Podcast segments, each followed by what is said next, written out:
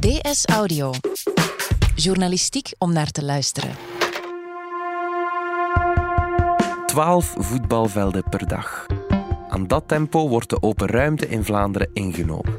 En die open ruimte is al zo schaars. Vlaanderen verhardt en verrommelt. En dat is een groot probleem. Journaliste Ine Renson bracht de betonwoede en de gevolgen ervan in kaart. Het is vrijdag 25 oktober. Ik ben Alexander Lippenveld en van op de redactie van De Standaard is dit DS Audio.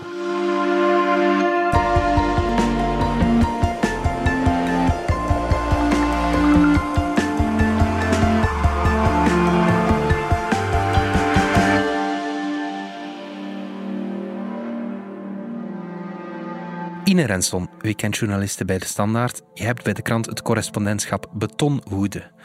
Wat houdt zo'n correspondentschap precies in? Ja, een correspondentschap is eigenlijk een, eh, een manier om uh, journalisten de kans te geven om uh, een onderwerp wat dieper te onderzoeken. Om dus Ja. eigenlijk weken, soms maanden uh, te graven in een thema. Ja, en jij dacht ik ga wat graven in beton. Ja. Ehm, Waarom dat thema? Ja, ik heb het thema beton of betonwoede gekozen omdat ik ehm, wou vertellen over de manier waarop Vlaanderen langzaamaan is volgebouwd.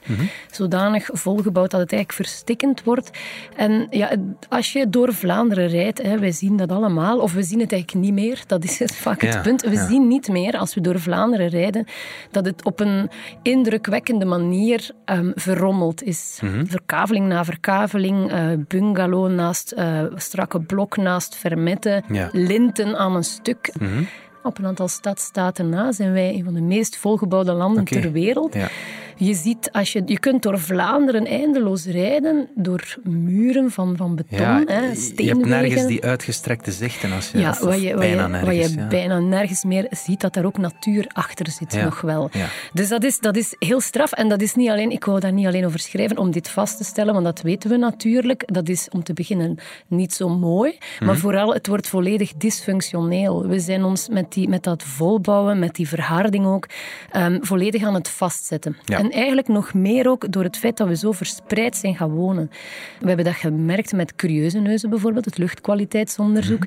Eh, we merken dat in ehm, berichtgeving over klimaat, dat als je daar iets wil aan gaan doen, dat je vast komt te zitten, omdat wij nu eenmaal wonen waar we wonen, namelijk verspreid. Ja. En dat maakt een mobiliteitsshift onmogelijk, dat maakt klimaatbeleid moeilijk, ehm, dat zorgt voor vereenzaming op het platteland, dat zorgt ervoor dat dorpen leeglopen, omdat Ja. mensen overal buiten die kernen gaan wonen. Ja. En dus dat is eigenlijk de angel van heel veel problemen. Dat is een heel groot thema dus, beton. Het is veel meer dan enkel beton. Het gaat eigenlijk naar de kern van wie de Vlaming is, zeg maar. Hoe heb je het aangepakt om, om dat te onderzoeken? Ja, Ja, wat je zegt is juist. Hè. Dit gaat over wie wij zijn. Ja. Dit is een thema, dit raakt ons in het hart. Er is op dit moment in Vlaanderen weinig zo controversieel als het afroepen van een bouwstop of een Ja, betonstop. Hè. Dat ja. is ook eigenlijk niet gelukt door de vorige regering. We zien ook dat in het verleden minister na minister daar de tanden heeft op stuk gebeten. Beelden die zijn bijgebleven van eh, politici die weekendhuisjes lieten afbreken, zonnevreemde huisjes in de jaren negentig. Ehm, het is altijd Dat is de het laatste... schrikbeeld. Hè. Dat, is wordt nu nog schrikbeeld. Opgeroepen van wij gaan uw huisje niet afbreken, Ja, maar... Ja, ja. En het is ook altijd de laatste portefeuille die overblijft bij de ministerverdeling. Niemand wil dat eigenlijk, want dat is ehm, heel moeilijk om te raken aan die droom. En dat is omdat het zo gaat over wie wij zijn, waar wij wonen, ehm, hoe wij leven. En daarom, omdat het zo'n verhit en emotioneel debat is, hebben we gedacht, we gaan dat proberen te objectiveren. En dus wilden we toch dat hele correspondentschap aftrappen met de data, met, met de feiten. En dus hebben we de betonwoede van de voorbije halve eeuw in kaart gebracht. Oké. We hebben dus eigenlijk laten zien tot op gemeenteniveau hoe ehm, gemeenten zijn dichtgeslipt, hoe wijken erbij gekomen zijn, hoe linten naar elkaar toe kruipen. Je zegt, we hebben dat in kaart gebracht. Dat mogen we vrij letterlijk nemen, hè? Ja, inderdaad. Eh, zaterdag zetten we een kaart online, een eh, grote kaart van Vlaanderen, waarop je kunt inzoomen tot op het niveau van jouw gemeente en waarin je kunt zien eh, hoe die gemeente volgebouwd is tussen 1975 en nu. Dus je ziet eigenlijk verkavelingen erbij komen, je ziet linten naar elkaar toe groeien in golven van 1975 naar 1990 naar 2000 naar nu.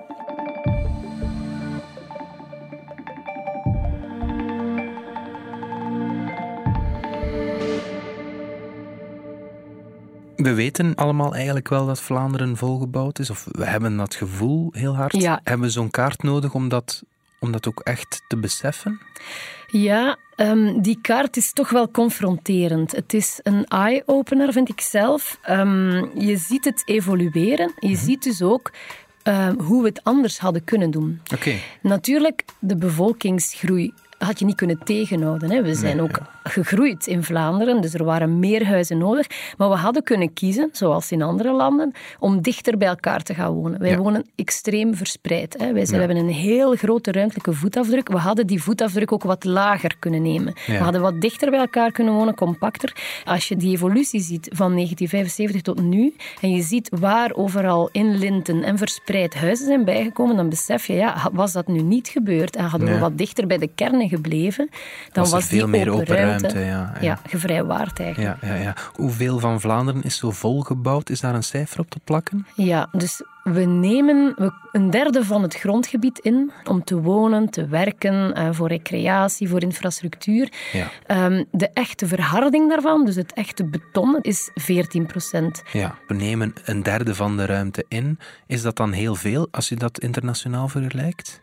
Ja, daar zijn wij absoluut koploper in. Er zijn een aantal stadstaten die ons nog voorgaan. Ja. Vaticaanstad natuurlijk is dan Ja, ook ja, helemaal volgebouwd. Maar ja, wij zijn absoluut koploper. Ehm, we wedijveren een beetje met Malta, eh, maar die zitten toch nog een stuk achter ons. En dan komt Nederland. Ja, oké. En nu is er die kaart die dat heel concreet laat zien. Hoe is die kaart eigenlijk tot stand gekomen? Het moet niet eenvoudig zijn om zoiets te maken. hè. Eh, nee, het was niet zo evident om die kaart te maken. Eh, Die bestaan niet. Hè. Kaarten van 1975 tot nu, die de bebouwing eh, stap voor stap in beeld brengen. Digitaal kun je dat niet bekijken. dus we zijn gaan aankloppen bij instanties die daarmee bezig zijn. Bij de Vlaamse overheid, bij het VITO, ehm, bij het Nationaal Geografisch Instituut, bij het kadaster zelfs. Gaan kijken wat voor gegevens zijn er.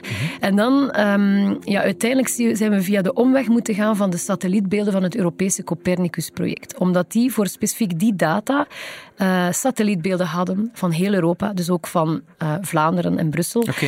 Ehm, en dan hebben we die eigenlijk genomen, die beelden als basis, om, daar dan, om die terug te vertalen naar bebouwde percelen. Dat is allemaal een heel ingewikkeld proces geweest, maar Ja. kort gezegd eh, is het erop uitgekomen dat we dan een kaart hadden die je online kunt bekijken en waarop je dus die bebouwing kan zien groeien. Het was niet evident, zeg je, en ingewikkeld. Maak dat concreet. Effectief, dat is een experiment om op die manier iets in kaart te proberen brengen via satellietbeelden en dat dan weer vertalen naar percelen.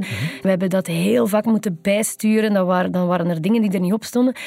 Op dat moment merkten we dat we hele stukken misten in onze kaart. Met name villa-wijken die, in het wijken die in het groen liggen. Oké. Ehm, vaak verspreide bebouwing is dat. Ja. Eigenlijk de dingen die ook een beetje problematisch zijn in Vlaanderen, die misten we omdat ehm, de huizen letterlijk gecamoufleerd werden door bomen. De satellieten gingen dat dan interpreteren als groen.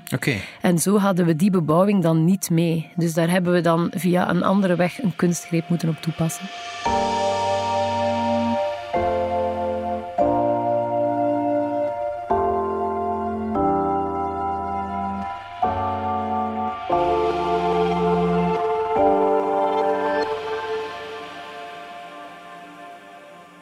Wordt altijd gezegd dat de Vlaming een baksteen in zijn maag heeft. Waar komt dat eigenlijk vandaan?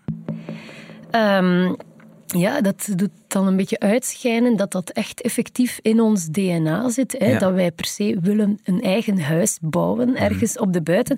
Nu, ik vind het heel opmerkelijk om dan vast te stellen dat we daarin toch ook wel meer gestuurd zijn dan we soms denken. Oké. 100, 150 jaar geleden was het een heel bewuste politiek geweest om ons aan de kerktoren te kluisteren. Ja. Met name eh, de liberalen en de katholieken wilden dat de Vlaming onder de kerktoren bleef wonen, omdat zij vrezen dat als Vlamingen in steden zouden gaan wonen, waar ze vaak ook in fabrieken werkten bijvoorbeeld, dat ze daar ten prooi zouden vallen aan vakbonden, ehm, ja, aan, Aan het communisme, socialisme aan het en- ja, ja. socialisme, dat zij eh, geen ehm, brave katholieken meer zouden zijn, dat zij ook door ziektes zouden worden getroffen, het verderf van de stad, daar wilden ze ons weghouden. Ja. En dus is er een bewuste politiek geweest om eigenlijk grond, eh, bezit en het eh, bouwen van een huis, om dat te stimuleren. Men Ja. heeft gronden eh, goedkoop gehouden. Ehm, er zijn massaal spoorwegen en tramlijnen aangelegd om die Vlaming die dan in de stad moest gaan werken te kunnen laten pendelen. Later kwamen daar de snelwegen bij. Er is ehm, op dat moment dan toch een soort van planning gekomen met het opstellen van de gewestplannen eind jaren 70, begin jaren 80. Toen ook hebben ministers er echt op toegekeken dat die plannen zo gul mogelijk werden ingevuld, dat er Ja. heel veel bouwgrond zou worden ingetekend, dat, dan ook, dat die bouwgrond dan ook goedkoop zou blijven. Er is sindsdien ook altijd een fiscaal beleid geweest dat wonen op de buiten heeft bevoordeeld. Dus op die manier ehm, ja, heeft, is die Vlaming een beetje in die kleinere gemeente gekluisterd en sindsdien is dat effectief iets, een woondroom, zeg maar, die met de paplepel is doorgegeven. Maar langs de andere kant kan ik me ook voorstellen dat veel mensen iets hebben van... Ik wil thuiskomen, mijn deur toetrekken en gewoon rust hebben. Dat, dat zit er ook ergens in. Hè? Ja, en dat is inderdaad opmerkelijk uit dan recenter woononderzoek. Blijkt dat telkens opnieuw, hè, uit intensieve be- bevragingen van Vlamingen. Als ze vragen waar ben je naar op zoek, dan zeggen die altijd ruimte en rust. Ja. Dus de Vlaming is paradoxaal genoeg eigenlijk op zoek naar rust om te ontsnappen aan het druk, druk, druk leven in een dicht bevolkt land. Dus ze- Ja. ze willen s s'avonds op een plek zijn die van henzelf is, waar ze de deur achter zich kunnen dichttrekken en waar ze ook niet te veel last hebben van de buitenwereld. Wat ook altijd blijkt uit dat onderzoek is, ehm, waar de Vlaming het meest schrik voor heeft, is voor nieuwe buren. Uit woononderzoek Ja, hè, ja, blijkt dat. Eh, want die nieuwe buren, zouden, dat zou wel eens een drummer kunnen zijn, of iemand die feestjes geeft. Of Vlamingen hebben daar echt schrik van. Die willen dat liever ehm, buiten houden. Vandaar een tuin, een groter perceel voor jezelf. Dat dient ook heel vaak om de buren op afstand te houden. Natuurlijk, als iedereen rust wil en een huis op de buiten, dan is die buiten er niet meer. Hè? Ja, en dat is inderdaad dan een beetje de ironie. We dromen eigenlijk van een platteland dat in Vlaanderen niet meer bestaat. De- we zijn één grote nevelstad eh, geworden Ja. in Vlaanderen. Ja. Het is één grote verneveling. Uit vergelijkend Europees onderzoek blijkt bijvoorbeeld dat eh 95% van de Vlamingen ehm, in die verneveling, in die nevelstad woont. 95. Ja. Dat is gigantisch veel. hè? Ja, dat betekent dus eigenlijk dat wij op plekken wonen die niet echt heel dens zijn en ook niet echt landelijk. Dus Ja. bijna niemand woont in een stad zoals in Parijs, Ja. maar ook niemand woont in een streek zoals in de Champagne-streek. Ja. We wonen eigenlijk allemaal een beetje in het tussengebied. En zelfs ook ehm, onze kernen, onze gemeentekernen, die worden dan beschouwd als een soort tussengebied waar mensen ehm, niet te dicht bij elkaar wonen, maar genoeg verspreid, genoeg verneveld. Je hebt daar nooit echte dichtheden. Dat is ja, die gezelligheid ergens ook hè, van een Ja. Vlaamse gemeente, waar we niet te dens op elkaar wonen, maar die dus ook zorgt voor een enorme verrommeling. Ja, ja. Ik vraag me dan af, die 5% die erover schiet, eh, waar vind je die? Want die vind je dan in de kernen van, van de grotere steden, hè, bijvoorbeeld in het centrum van Antwerpen, of echt eh, op de buiten, in, in- misschien in de Westhoek of zo, dat je daar Ja. nog stukjes zal hebben die wel aan die norm ehm, voldoen van Ja, ja. geen verneveling Dus dat te zijn zijn. de extremen. De dan extremen, ja,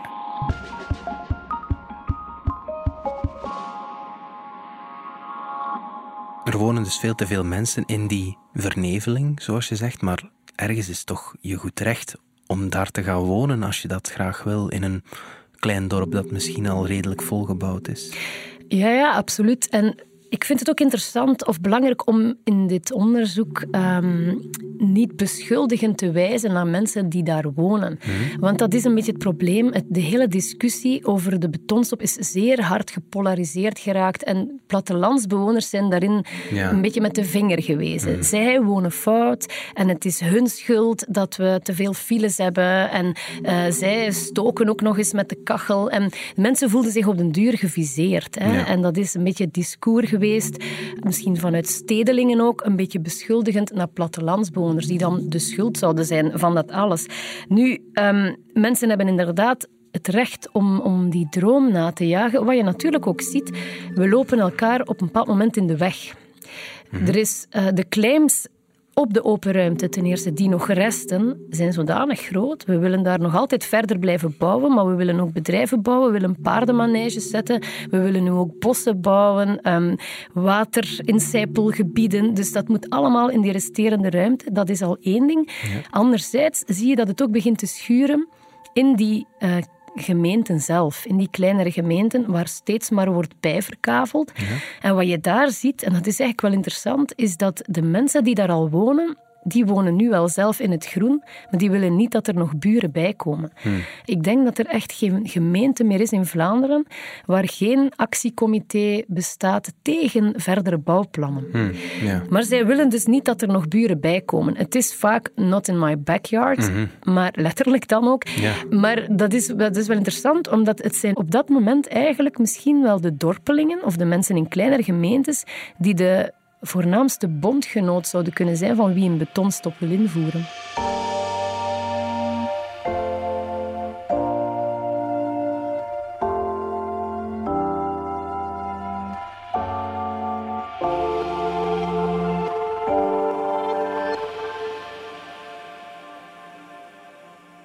Dan zijn we bij die betonstop. We zijn alles compleet aan het volbouwen. Valt dat eigenlijk nog te keren?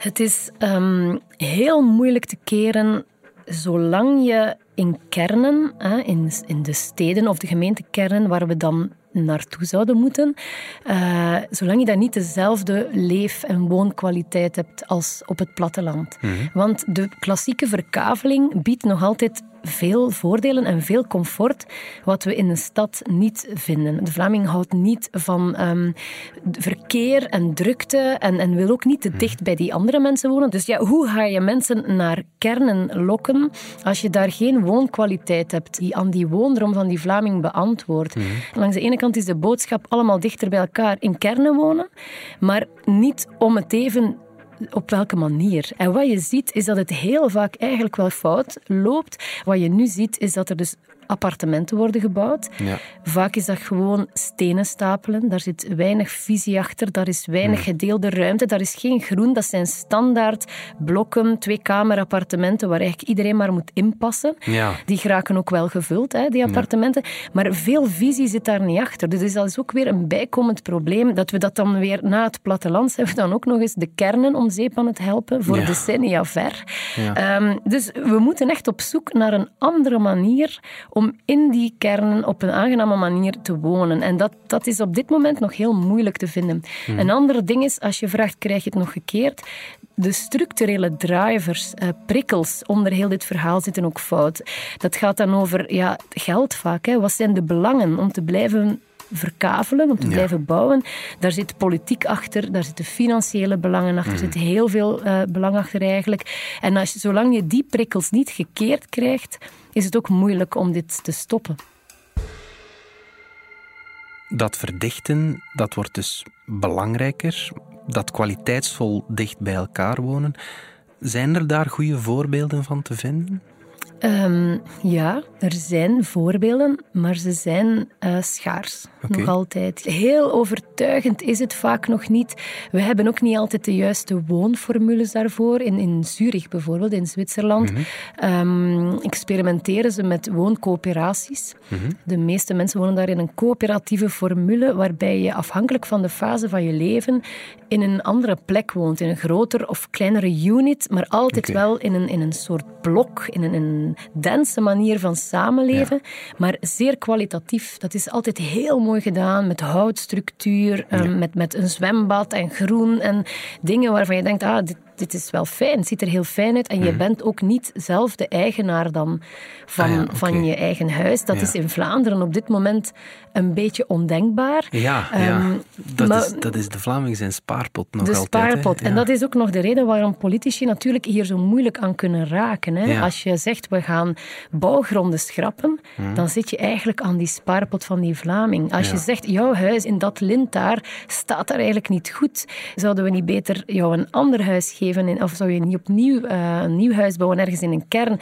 Ja, dat is heel moeilijk. Maar wat je ook wel ziet, is dat um, vaak uh, huizen in, in, verkavelingen uit de jaren 70 bijvoorbeeld, die typische fermettes en, en, bungalows die toen gezet zijn, dat die nu niet meer verkocht geraken. Hmm. Dus die spaarpot, dat is ook wel dubbel. Mensen rekenen daarop, maar krijgen dat grote huis niet aangepast aan de huidige klimaatnormen, hmm. vaak ook niet meer verkocht. Ja. Dus dat is allemaal heel dubbel. Maar ja, we moeten effectief dichter bij elkaar gaan wonen in kernen. De vraag is, hoe krijg je de Vlaming daar?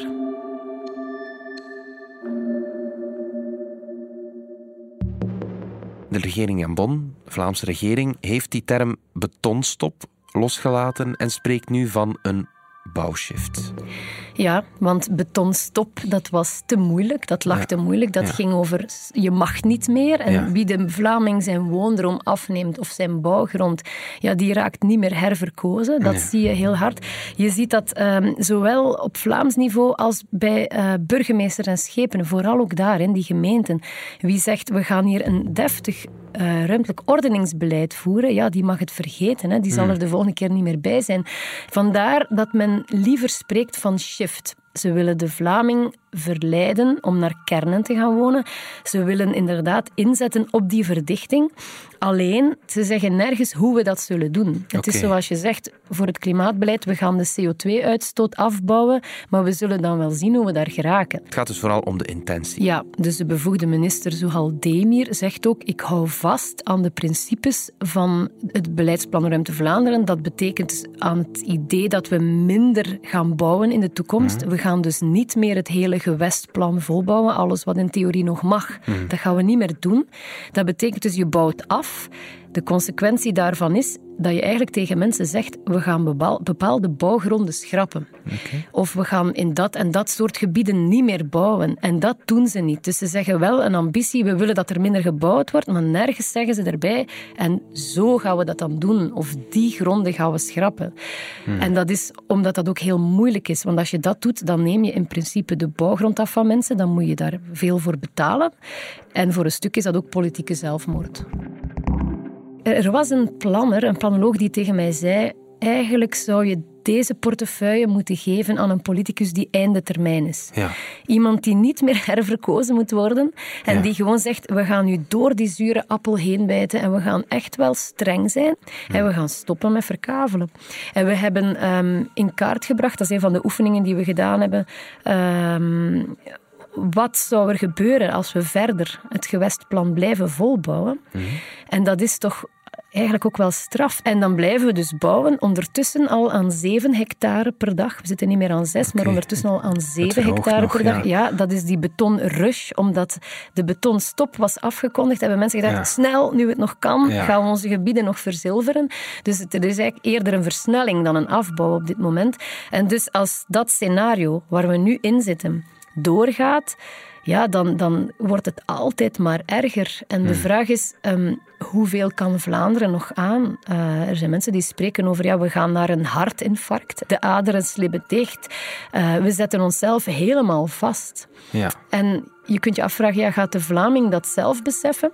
Of moet hij daartoe gedwongen worden? Misschien kan die betonkaart wel bijdragen tot dat besef. Ja, hopelijk wel. Want ik vind het zelf wel confronterend om het te zien. Mhm. Ehm, en dan zie je toch, ja, waar zijn we eigenlijk mee bezig in Vlaanderen?